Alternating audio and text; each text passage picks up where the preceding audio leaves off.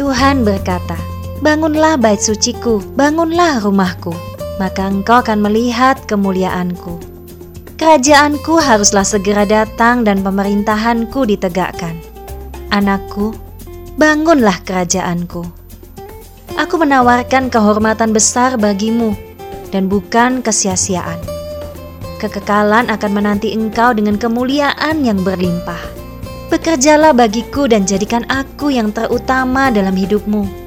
Layani aku dengan segenap hatimu dan bawalah jiwa-jiwa dalam lumbung rumahku, sebab rumahku haruslah penuh.